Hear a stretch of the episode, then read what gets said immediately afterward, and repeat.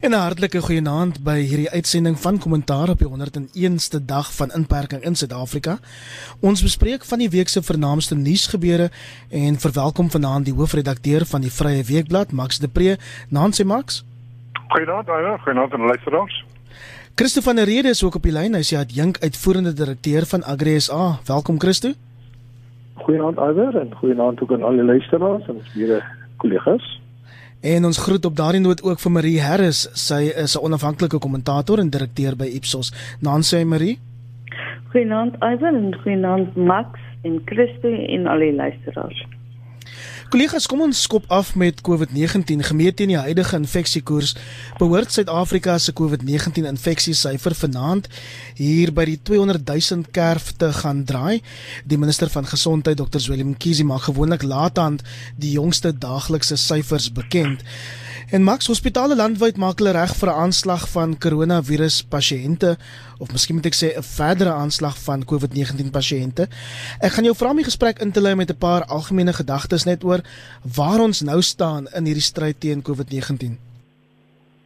Dankie Iver. Ja, ek dink die die die die bakken van 100 dae wat gister gister was, is 101 vandag is miskien 'n goeie tyd vir ons om om om te kyk na wat het gebeur in die laaste 100 dae.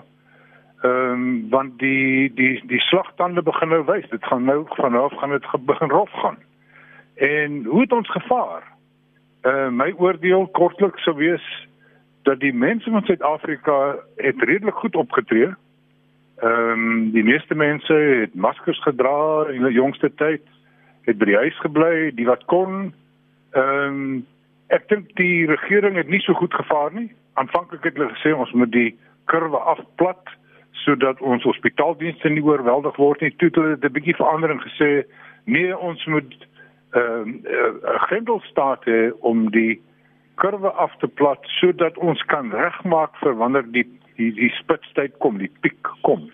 Nou die piek is nou hier en ons is nie reg daarvoor nie. Uh, ons is nie reg daarvoor nie beslis nie in die Oos-Kaap nie. En uh, lyk nie ook in die Vrystaat is nie en lyk selfs nie of dit in Gauteng is ons reg nie. Ehm um, ons het 100 dae gehad om toetsstelle aan te stel aan aan te skaf uh, om te toets en en mense te gaan naspoor. Ons het dit nie gedoen nie. Ons het nie genoeg ventilators nie. Ons het nie genoeg hoërsorg eenheid uh, beddens nie. Ehm um, so ek dink ons moet onsself staal en sê Ehm um, na 100 dae begin die die drama eintlik nou. Uh ek sou dink as ons beter gevaar het om voor te berei voor so ons duisende lewens kon gespaar het. Maar hier gaan ons gaan nog baie baie baie duisende lewens verloor in hierdie stryd. En en nou is dit eintlik maar omdat die grendelstaat opgehef is, is dit uh, ons gewone mense uh, wat wat moet na die tafel toe kom en sê ehm um, ons is nou klaar kwaad geweest vir die regering met al hulle verspotte regulasies en goed wat nie gewerk het nie oor hulle wat probeer baas speel het oor ons maar nou moet ons maar self vir onsself sorg en ons moet altyd maskers dra. Ons moet wegbly van ander mense af. Ons moet probeer om nie in 'n plek te kom waar daar te veel ander mense is nie. Nou is nie die goeie 'n goeie tyd om siek te word nie as jy wil as jy gedink het jy wil COVID-19 en het, het, het dan moes jy dit 4 weke of 5 weke gelede gedoen het. Nou is nie die tyd nie. Ons hospitale is vol. Ons ons verpleegsters en ons dokters en ons spesialiste is oorwerk.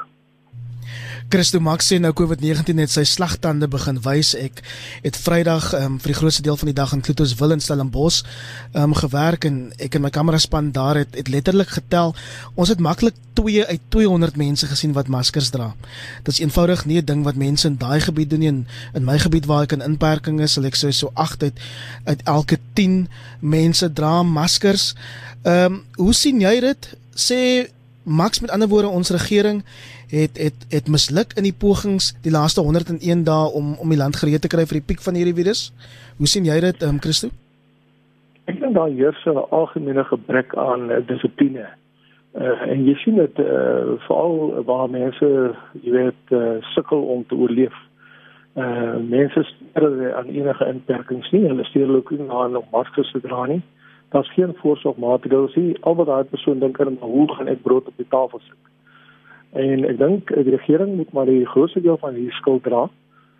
Uh ons het aanvanklik het ons besluit om uh, hierdie inperking in te stel vir die hospitaal om homself gereed te kry. En ek dink president Ramaphosa het 'n baie goeie rol uh, vervul uh om uh, mense ingelig te hou en uh, mense aan te moedig om die nodige voorsorgmaatreëls uh uh te tref. Uh, maar die enigste provinsie wat werklik waar gehoor gegee het, uh, die enigste regering is die Weskaap. Ek dink hulle het seker gedoen om al die nodige voorsorgmaatreëls in plek te sit. Maar jy kan nie 'n regering verantwoordelik hou vir mense se uh, absolute gebrek aan dissipline. En dit was ons argument was van die begin af. Ons seker goed in plek sit vir al ons welsynsdienste in plek sit sodat mense minder op uh, en af beweeg winkels toe en uh, dan terug huis toe en van die huis af jy weet na allerlei ander plekke toe om net om 'n bestaan te voer. Uh, nou ja, ons gaan die prys daarvoor betaal, uh, maar aan die ander kant kan ons nie ons rug draai op die ekonomie wat op hierdie stadium bitter bitter swaar trek nie. Ek dink uh, ons moet die ekonomie laat aangaan en uh, daar gaan 'n geweldige uh, negatiewe gevolge wees. Ons gaan uh, hoër sterfte syfers sien. Maar aan die ander kant is dit nie keuse as om die uh, inperkings op te hef om die ekonomie ook 'n uh, uh, kans te gee om kos in 'n bord kos op mense se tafels te sit. Mariko, stem jy noodwendig saam met Christo dat dit die afgelope week allerhande waarskuwings rondgevlieg van strenger inperkingsmaatreëls wat wat dalk weer op pad is. Ek hoor in Gauteng praat die premier David Makura, hy verwys gereeld na 'n harde fase 3 inperking, dis die term wat hy gebruik. Ehm um, stem jy saam met Christo dat die ekonomie moet oop bly ten spyte van ehm um, hierdie virus wat nou duidelik sy tande begin wys? Ek stem saam met Kirsten dat die ekonomie moet oop bly, maar ek stem ook saam met Max dat mense moet verantwoordelikheid vir hulle self neem. Ek dink Suid-Afrika het goed begin met hierdie hele virus kwessie. Ehm um, die president se toespraak aan die begin was baie goed, sy leierskap was baie goed, maar ek dink so verder as wat dit verder as wat dit aangegaan het, was hy heeltemal te besluitloos. Hy het te min op TV verskyn en op te min gekommunikeer met die land. Ehm um, en ook ek dink sy boodskappe was net al hoe meer wollerig geword en dit het natuurlik die ruimte gelaat vir mense soos Nkosazana Dlamini Zuma, Ibrahim Patel, Bekkie Cele om hulle eie inhoud daan te gee. Dit is ook waarom ons amper een boodskap van die president kry en 'n ander boodskap met 'n lot onbenullige detail van die ministers wat skielik mag in hulle hande gehad het en ek dink dit het hulle heeltemal te ywerig gemaak om daardie mag af te dwing. Ehm um, dan dink ek ook dat die regering onder baie meer druk is nou as wat hulle kan hanteer. En soos wat Christe opgemerk het, die kwessie oor dissipline. As mens net kyk, sien jy dat die drankverbod op opgehef is, hoeveel ekstra gevalle daar in traumasale van hospitale aangekom het beserings as gevolg van mense wat te veel gedrink het. En as hulle hulle self as as Suid-Afrikaners nie dit in ag neem nie en hulle en nie kan hulle inhou wat drank betref wat jy jouself nie heeltemal onkapabel hoef te drink en in 'n hospitaal eh, behandel word baie keer onder operasie as gevolg van 'n steekwond of 'n skietwond wat dan 'n ventilator wegneem van iemand wat dit nodig het vir COVID terwyl dit vir jou gegee word want jy is 'n noodgeval, weet ek nie. En ook die kwessie oor die oor die maskers. Hier waar ons by Johannesburg dra die meeste mense maskers, maar ek sien ook baie mense wat nie maskers dra nie. En ehm um, ek dink steeds die aanvanklike plan was goed, maar soos baie dinge wat die regering onderneem en planne wat die regering onderneem, het die deurvoering uh daaronder gelei of net nie weer gekom nie en dit is regtig sneeuwel by die uitvoering van die van die planne. En nou moet ons maar vir onsself verantwoordelikheid neem. Ek dink ons moet dit van die begin af gedoen het in elk geval baie mense het wel gedoen. Maar ehm um, elke mens moet nou vir homself verantwoordelik wees. Van die regering het nie geld nie en ek dink ook nie hulle het in hierdie stadium die wil of die politieke wil of die vermoë om mense veilig te hou.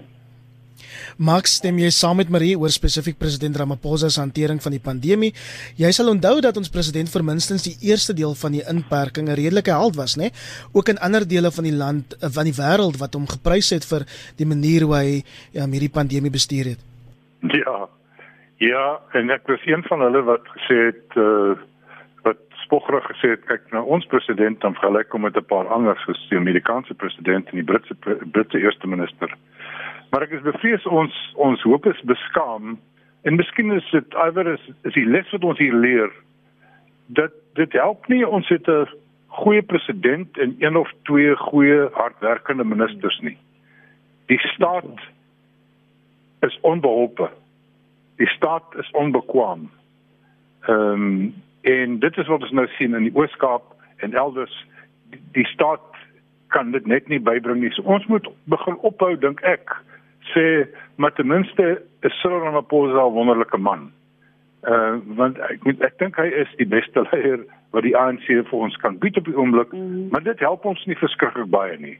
Want hy sê dit mooi goed, hy sê dit op die regte manier en al, maar onder hom loop alles skeef. Byvoorbeeld, uh ek dink as ek kyk na lande soos Nieu-Seeland en en en Duitsland en Singapore en Suid-Korea ek wil nie sê ons het dit so maklik soos hulle nie want dit is als geïndustrialiseerde lande uh, wat nie met ons probleme sit nie. Maar as jy kyk na wat hulle gedoen het om die bevolking te laat saamwerk dan wonder ek as in Kossazana Dlamini Zuma en Ibrahim Patel en Becky Cele en Fikile Mbalula eerder na die mense toe gegaan het en gesê het mense ons moet hier almal saamwerk en in al die tale van die land. Nie net in Engels nie, want al die hmm. goed het in Engels gebeur. En al die tale van die land na die mense uit te reik en te sê aan mekaar die hele 100 dae, ons moet saamwerk, ons moet hierdie ding doen. Eerder as ons soos in Koffesana te Minizuma te sê ek is die skoolhoof en as jy nie luister nie, as jy nie dit doen nie, as jy nie dat doen nie, uh, dan gaan jy gestraf word. Soos Becky Keller. Ehm um, wat sê sy departement, sy mag uh sy energie spandeer om rokers en drinkers na te speur. Ehm um, byvoorbeeld die die die verbod op op rook. Rook is sleg vir jou, maar daar's 10 miljoen mense wat rook. Dit maak absoluut geen sin. Die mense het nie opgehou rook nie. As so die gesondheidsargument val meer dan nie weg. Maar nou die faksiepolitiek van die ANC weer ingekom want sy het dis haar private obsessie en dit is goed goed so dat sy dit het maar dan moet die kabinet die res van die regering al reg gehelp en gesê moenie jou private obsessie nou hier afdruk omdat jy in 'n spesiale posisie van mag is nie.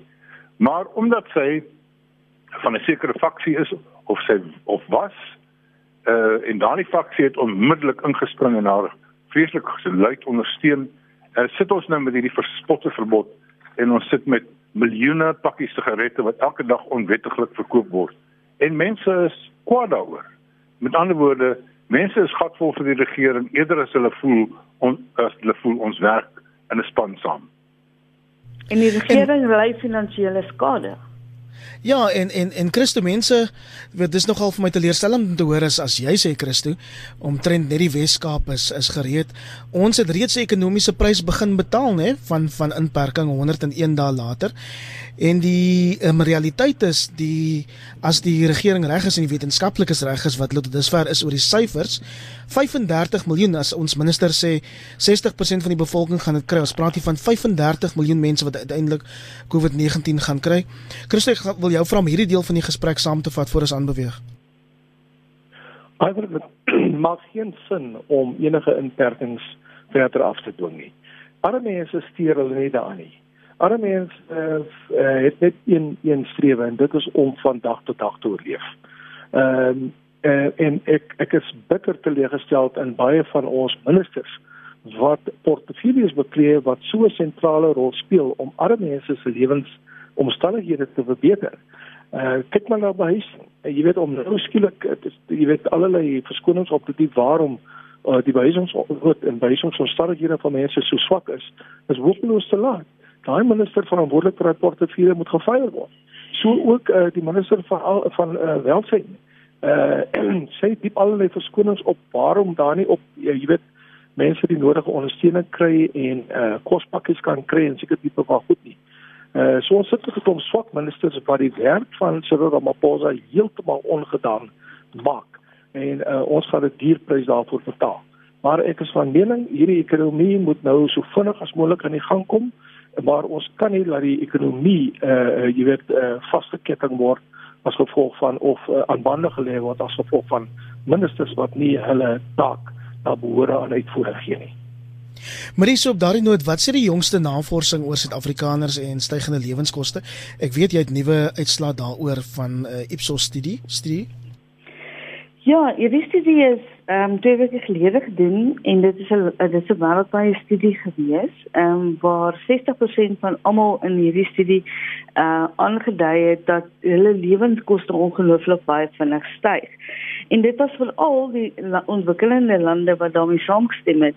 Uh Suid-Afrika is onder hulle wat dit die sterkste beklemtoon het Argentinië, Mexiko en Suid-Afrika waar 81% van mense gesê het dat hulle lewenskoste ongelooflik baie vinnig vinnig styg. En dan het ons volgende vir hulle gevra wat wat styg? Wat spesifiek? En daar was 11 opsies wat mense van kon kies. Die een ding wat mense oor die wêreld gekies het wat die vinnigste styg is voedsel. Soos wat Christine aangedui het, daar is voedselnood in baie baie plekke in die wêreld, selfs in 'n ongelooflike ryk land soos die VSA. En uh dan tweedens die die koste van ehm um, munisipale rekeninge of jou kommunikasie soos jou foon, jou televisie, daai tipe dinge. En as jy Suid-Afrikaners spesifiek vra wat is vir hulle die ergste, dan sê hulle weer eens 80% van Suid-Afrikaners sê dis voedselpryse wat hulle wat hulle heeltemal uit die water uitstoot. En dan net een opmerkingie oor COVID vir die laaste keer. Ehm um, een in elke 10 Suid-Afrikaners, soos 11% het gesê dat hulle reeds koste moes betaal as gevolg van uh COVID-19, COVID-19. En dit is duidelik uit die uit die vraag of dit vir hulle self of vir 'n familielid of iemand anders was naby aan hulle nie. Maar dis 'n baie hoë syfer. Een uit elke uit, uit elke 10 uit. Dis baie 'n hoër syfer eintlik as wat ons infeksiekoers in hierdie stadium aandui. En terwyl Suid-Afrikaners um, poog om kop bo water te hou te midde van hierdie pandemie, het die ANC vriend en vyand verras deur die heraanstelling van twee amptenare wat vroeër by die FBS korrupsieskandaal betrek is. Die ANC se nasionale uitvoerende komitee het twee senior amptenare van Limpopo se skorsing opgehef. En Max, mense weet regtig, moet jy lag of huil nie. Wat sit agter hierdie storie of dalk moet ek vra wie sit agter hierdie storie? ja, daar sien ons dan nou wat die regte houding oor oor korrupsie is. Maar interessant, Iwer, dit was die argument waarom hierdie mense hier aangestel is en daarin is daar nogal Marite vreemd genoeg. Hulle sê maar hoekom word die twee mense uh uitgeskort voordat hulle die rolskuldig bevind word? Wat van al die ander? Wat van mense wat in die parlement sit? Mense soos Bongani Bongo.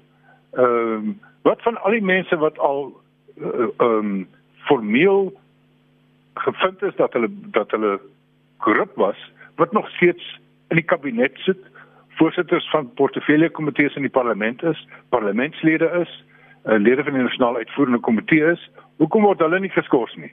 Ek dink dit is nogal 'n goeie argument ehm um, wat die wat die ANC se bluf 'n bietjie geroep het. Maar ons sien ongelukkig uh, dit is nie 'n skande uh, in die ANC om om weens korrupsie skuldig bevind te word of aangekla te word nie. En dit is 'n kultuur waarvoor ons geweldig duur betaal. Ons sien selfs nou in die in die in die Grendelstaat hoeveel korrupsie daar plaasgevind. Mense byvoorbeeld het in die laaste 2 dae bekend geword van mense wat 3 miljoen rand gevra het vir 'n paar duisend mense te gaan sê hulle met lande was. Uh in die Weskaap. Ehm um, kospakkies wat gesteel is uh so gaan so gaan dit aan. Dit, dit is net verskriklik en ek dink as ons terugkyk na oor 'n paar oor 'n paar maande terugkyk, gaan ons agterkom hoeveel van hierdie hulpgeld uh wat wat bewillig is om te keer dat die ekonomie in in instort nie. Uh hoeveel van dit is gesteel want ons weet die meeste daarvan het nog nie by die mense uitgekom nie. So ja, dit is uh dit is die ANC vir jou ek dink uh, dis ook baie duidelik dat uh, dit is die faksie van Ysmagashile. Hy is die hoofbestuurder van die ANC, die sekretaris-generaal. En dit is sy mense hierdie want die die hele WBS bankskandaal het so 'n paar bande met met oud-president uh, Jacob Zuma. En Christo, hier moet ons ook regtig vir mekaar sê, dit is alles korrupsie wat onder president Cyril Ramaphosa se bewind plaasvind. Uh, Joe, dit jy het 'n uh, jy het 'n rubriek uh, die volgende opmerking gemaak het gesê dat hierdie ouens wat so hard radikale ekonomiese transformasie skree, hulle gebruik dit maar as 'n dekmantel om korrupsie te pleeg. En toe was hy taamlik aangeval deur lede van sy eie party. Nou daar is dan nog 'n paar rasionele stemme in die ANC. Maar ek dink hoe gouer ons van die ANC ons van die ANC ons vaar, hoe beter. En dis 'n party wat hierdie land uh duur duur te staan kom. Uh, ek is seker moet by ons dit gaan vervang nie want ek meen al die ander partye gaan dit maar ewe beroer. Marie, wil jy daarbey aansluit en ons moet dit sekerlik ook in die konteks plaas van skokkende nuus oor korrupsie by munisipaliteite wat hierdie week aan die lig gekom het. Ja, definitief. Ek wil net byvoeg dat um, Max aanvanklik sê hierdie aanstelling van hierdie mense wys hoe ernstig die ANC of hoe nie ernstig nie die ANC korrupsie opneem. Vir my die ironie van die saak is die persoon wat die meeste daaroor sê gehad het op die einde was Ysmagashule wat self onder verdenking is in 'n hele klompie sake. So hmm. die beleid van die ANC om uh, mense te skors soms met volle betaling in langsloerende sake want hierdie kwessie kom al van 19 ag 1916 af het voel 1916 van 2016 af.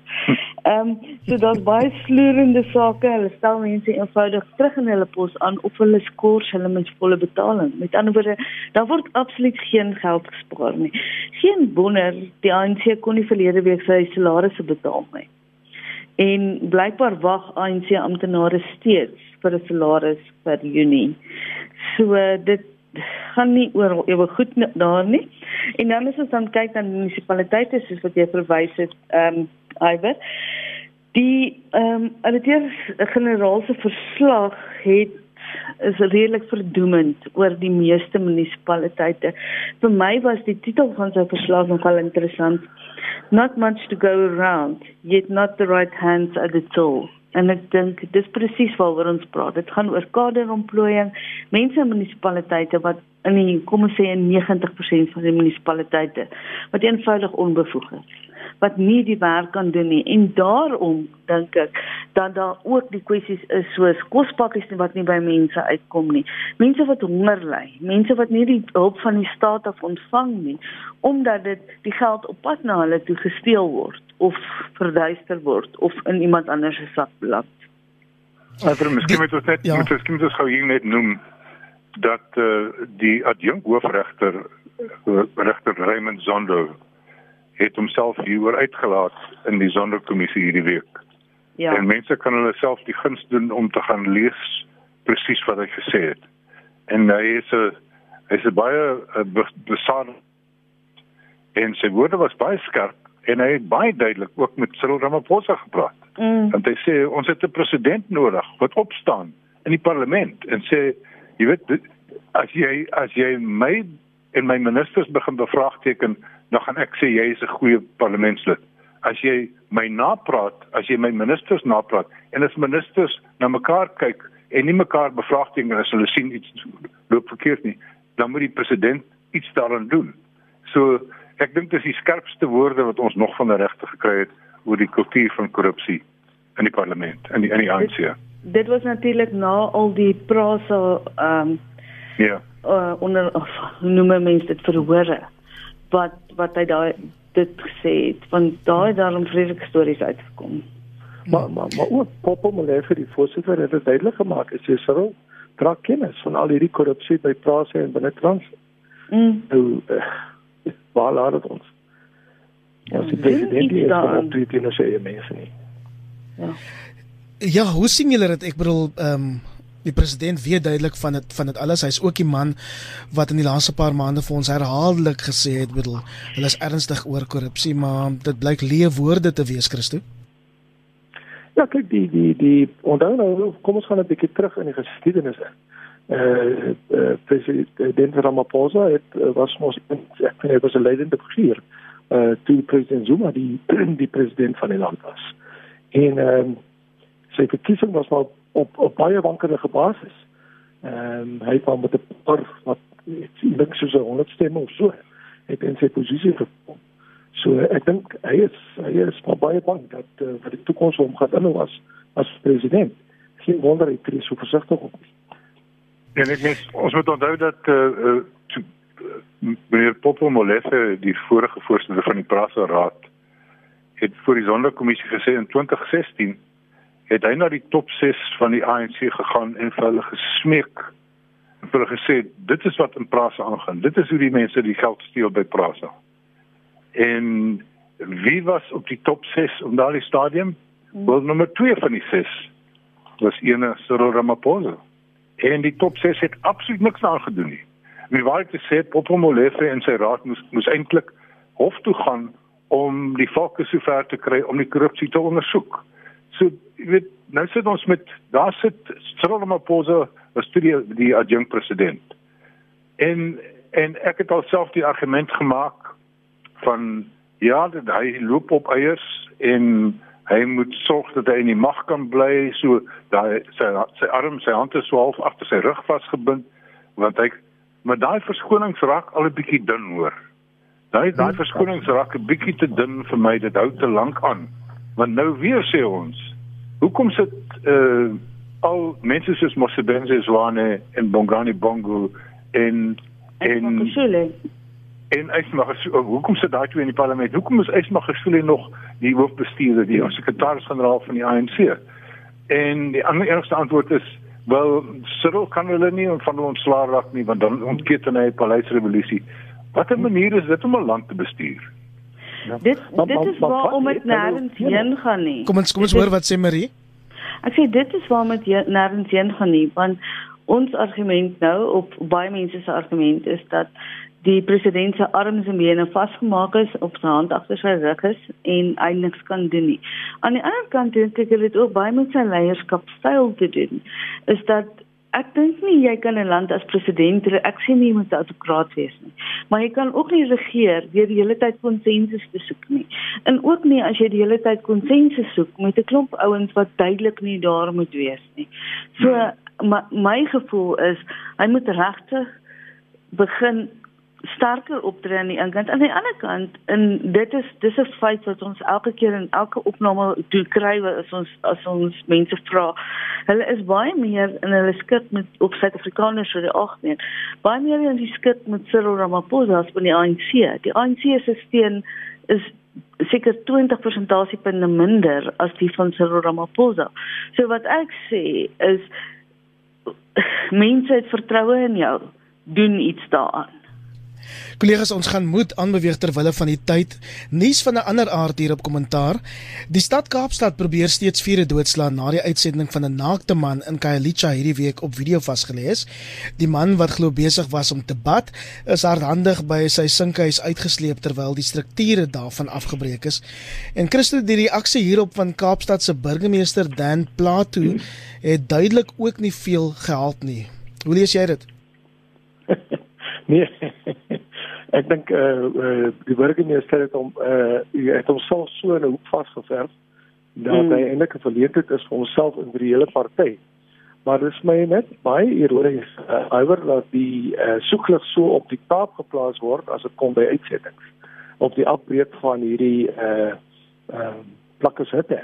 Onthou dit is 'n ding wat hier in Johannesburg, ek dink hier 'n uh, paar weke gelede het dit die die eh uh, stad Johannesburg dieselfde uh um, aksie uitgevoer en hulle het hierdie rooi mure ingebring om mense hardhandig uit hulle huise uit te verwyder en hulle uh skuilings af te breek.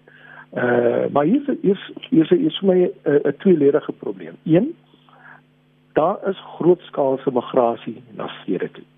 En my vraag is hoekom doen stede so min? Hoekom doen Johannesburg die Kaap en al die ander stede so min om grond beskikbaar te stel vir mense wat op groot skaal migreer na stede toe.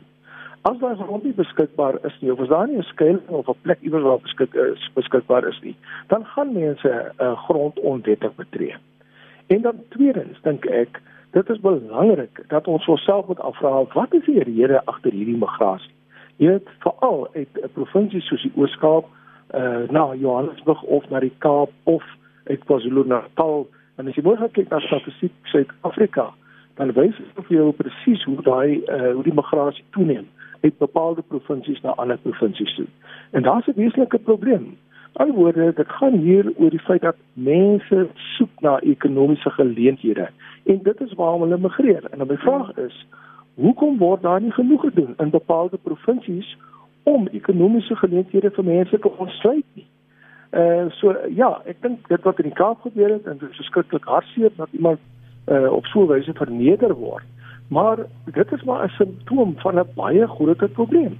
Ons moet die groter probleem gaan aanspreek en ons moet nie uh, 'n uh, 'n goedkoop uh, politiek probeer minslaan daar uit nie. Dit is wat presies aan is. Uh, wat, wat presies op hierdie oomblik gebeur. En beide die DA en die ANC doen presies dieselfde ding, maar waarom word uh, een ou se sondes en uh, jy weet op hierdie wyse openbaar gemaak terwyl die ander een verswyg word?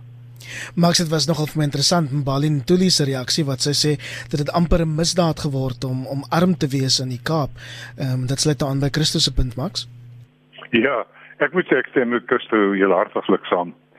Die die vernedering van Bulelani Kolani uh was regtig ongemaklik vir enige mens met 'n bietjie deernis in sy hart om om na te kyk. Maar maar hier is twee goed. En eerste ding is daar was 'n video Met ander woorde, dis soos George Floyd. Baie swart mense is al deur wit polisie manne doodgemaak in Amerika. Maar ons het dit op video gesien. Hoe sterf die man? Ons het op video gesien hoe wreed hanteer hulle hierdie man. Nou, dit is nou maar die werklikheid van die moderne eeu van sosiale media en selfone. Selfone het die beste uh, ontbloter geword van die verbreeking van menseregte deesdae. Ehm um, ek verstom my dat die DA ehm uh, in hierdie tyd uh in in die middel van die winter gaan en 'n man uit sy huis uitgooi soos daai wat dink die mense dit is waar dat hy onwettig uh sy het opgerig het op, op 'n verkeerde plek maar kan jy nie maar net 'n bietjie wag nie of kan jy nie maar net sorg dat die ou eers 'n ander plek het so wat die DA uh amptenare gedink het uh genade ek weet nie ek hoop uh, hulle gaan van Dan Plato ontslaa raak. Die manier wat hy tyd getrap het hierop uh, is is is 'n is 'n verleentheid. Maar toe kom ons liewe minister van polisie, Bekkie Cele, en hy gaan vlieg al die pad af en gaan sien hom. Maar meneer Bekkie Cele het nie gegaan na Collins Khoza se huis toe. Wat vermoor is, hy's nie verneder nie. Hy's vermoor.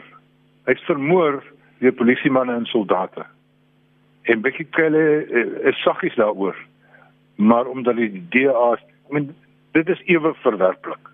Ek dink net ek wil ek wil saamstem met Christo dat die die hele idee dat dat mense onwettig moet gaan plak omdat daar nie vir hulle grond gegee word nie, raak nou absurd. Ek bly in Kaapstad. Ek kan nou vir vir wie ook al sê wie is die grond wat beskikbaar is. Grond wat aan die staat behoort, grond wat aan die provinsie of van Kaapstad behoort wat beskikbaar is wat oop lê. Iemand moet dit net doen en ek weet van Johannesburg begin ek ook vir 'n klompie plekke vir hulle sê hier is die grond. Deel dit op, gee dit vir die mense. Dit is die land, dis die regering se beleid. Hoekom kry julle nie so ver om dit gedoen te kry nie? Marie Dis my weer eens 'n simbool hierdie polisie breedheid of dit of dit nou die moord was in Alex of die man wat totaal verontmenslik is en uit sy huis gesleep is. Polisie polisie tree se op omdat hulle dink hulle kan. En omdat die mense wat oor hulle gestel is om dit nou so te stel, hulle toelaat om hierdie wreedhede te pleeg. Of dit in Amerika gebeur of in Suid-Afrika gebeur, dit is 'n misbruik van mag en dit is te veel mag in die hande van 'n persoon soos die minister van polisie. En of die polisieman 'n wit man of 'n swart man of wat ook al is, maak nie saak nie. Jy hanteer nie ander mense so nie. Daardie arme man het daai huisie opgesit. Hy het sy werk verloor. Ek het storie gelees vandag. Hy het sy werk in April maand verloor, soos miljoene ander Suid-Afrikaners. En hy het daarmee kans gekry het dit is dis vir my absoluut verontmenslikend om so iets as daar so woord in Afrikaans is om so iets aan iemand anders te doen. En dan die kwessie wat wat Christo opgebring het, net 'n vinnige verwysing na daarna. Die hele kwessie van migrasie.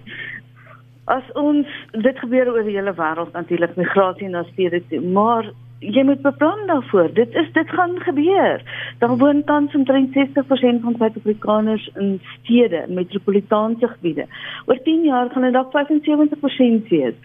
Jy jy kan nie net op jou laure rus en dink o, al hierdie mense kom hiernatoe en hulle kom hier plak nie. Jy moet dan beplan ook. In ander nuus ter wille van die tyd kollegas ons het um, ehm, 4 minute hoor. Unisa het die week 'n bloedneus by Appel of gekry oor Afrikaans as onderrigtaal. Die hof het beslis dat die verwydering van Afrikaans as onderrigmedium by die universiteit onwettig en ongrondwetlik was. Kom ons kry sommer julle mening so om die beurt Christo ons begin by jou. Alhoewel daar's geen rede dat Unisa Afrikaans moes afskaf nie uh UNISA verskil uh, hemelsbreed van 'n residensiële universiteit soos Stellenbosch of enige ander universiteit. En daarmee sê ek nie dat ons Afrikaans net die wet bloed moet afskaf uh, by universiteite soos Stellenbosch nie. Maar my magies man, UNISA uh, is eintlik die antwoord vir hierdie uh, grendeltydperk wat ons die afgelope tyd beleef het waar ons studente uh, jy weet met 'n inlopende taalbehoeftes by 'n uh, afstands uh, of 'n universiteit wat afstandsonderrig bied om hulle daar te akkommodeer.